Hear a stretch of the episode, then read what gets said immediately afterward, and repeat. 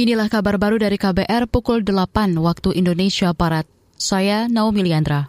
Presiden Joko Widodo menekankan bahwa ASEAN harus siap dalam menghadapi tantangan ke depan yang semakin kompleks.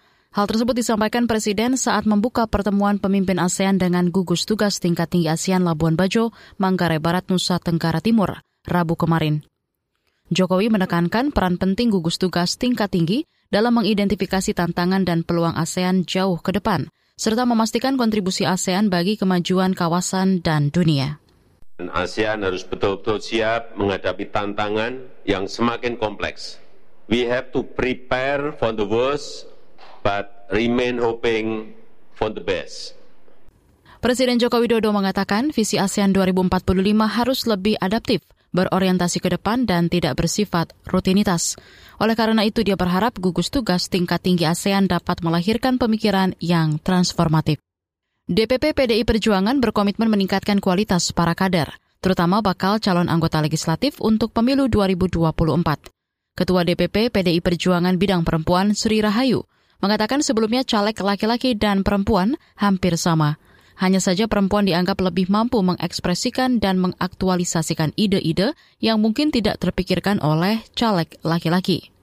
Uh, saling memberikan masukan, saling menyeimbangkan antara perempuan dan laki-laki sehingga apa-apa yang tidak bisa dipikirkan oleh laki-laki maka perempuan ini akan mampu uh, memikirkan maupun mengaktualisasikan begitu melalui program-program untuk kepentingan masyarakat bangsa Indonesia ke depan. Hmm. Tentu diharapkan itu, makanya perempuan yang menjadi caleg ini tidak hanya sekedar e, melengkapi tetapi diharapkan sumber daya manusianya juga.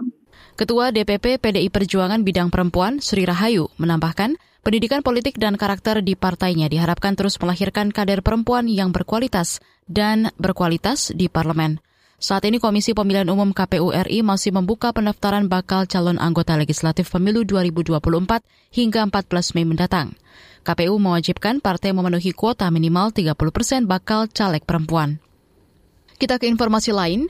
Markas Besar Kepolisian menyiapkan konsep baru mengenai penyelenggaraan Liga Sepak Bola yang lebih baik dan lebih nyaman. Dikutip dari Antara, konsep penyelenggaraan Liga itu diharapkan lebih nyaman baik bagi penonton, penyelenggara maupun bagi klub. Asisten Operasi Kapolri Agung Setia Imam Effendi, mengatakan rumusan konsep baru itu akan memfokuskan pada aspek kenyamanan dan keselamatan.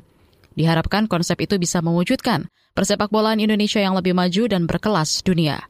Menurut Agung Setia, konsep itu akan dibahas setelah selesainya penyelenggaraan konferensi tingkat tinggi KTT ASEAN di Nusa Tenggara Timur. Pembahasan lebih dulu digelar di internal Polri, dilanjutkan dengan pembahasan melibatkan PSSI dan operator liga.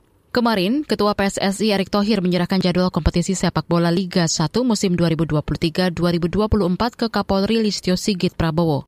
Penyerahan jadwal itu untuk kepastian izin pertandingan. Kompetisi Liga 1 musim depan rencananya digelar mulai 1 Juli 2023 hingga 30 Mei 2024. Demikian kabar baru KBR, saya Naomi Liandra undur diri.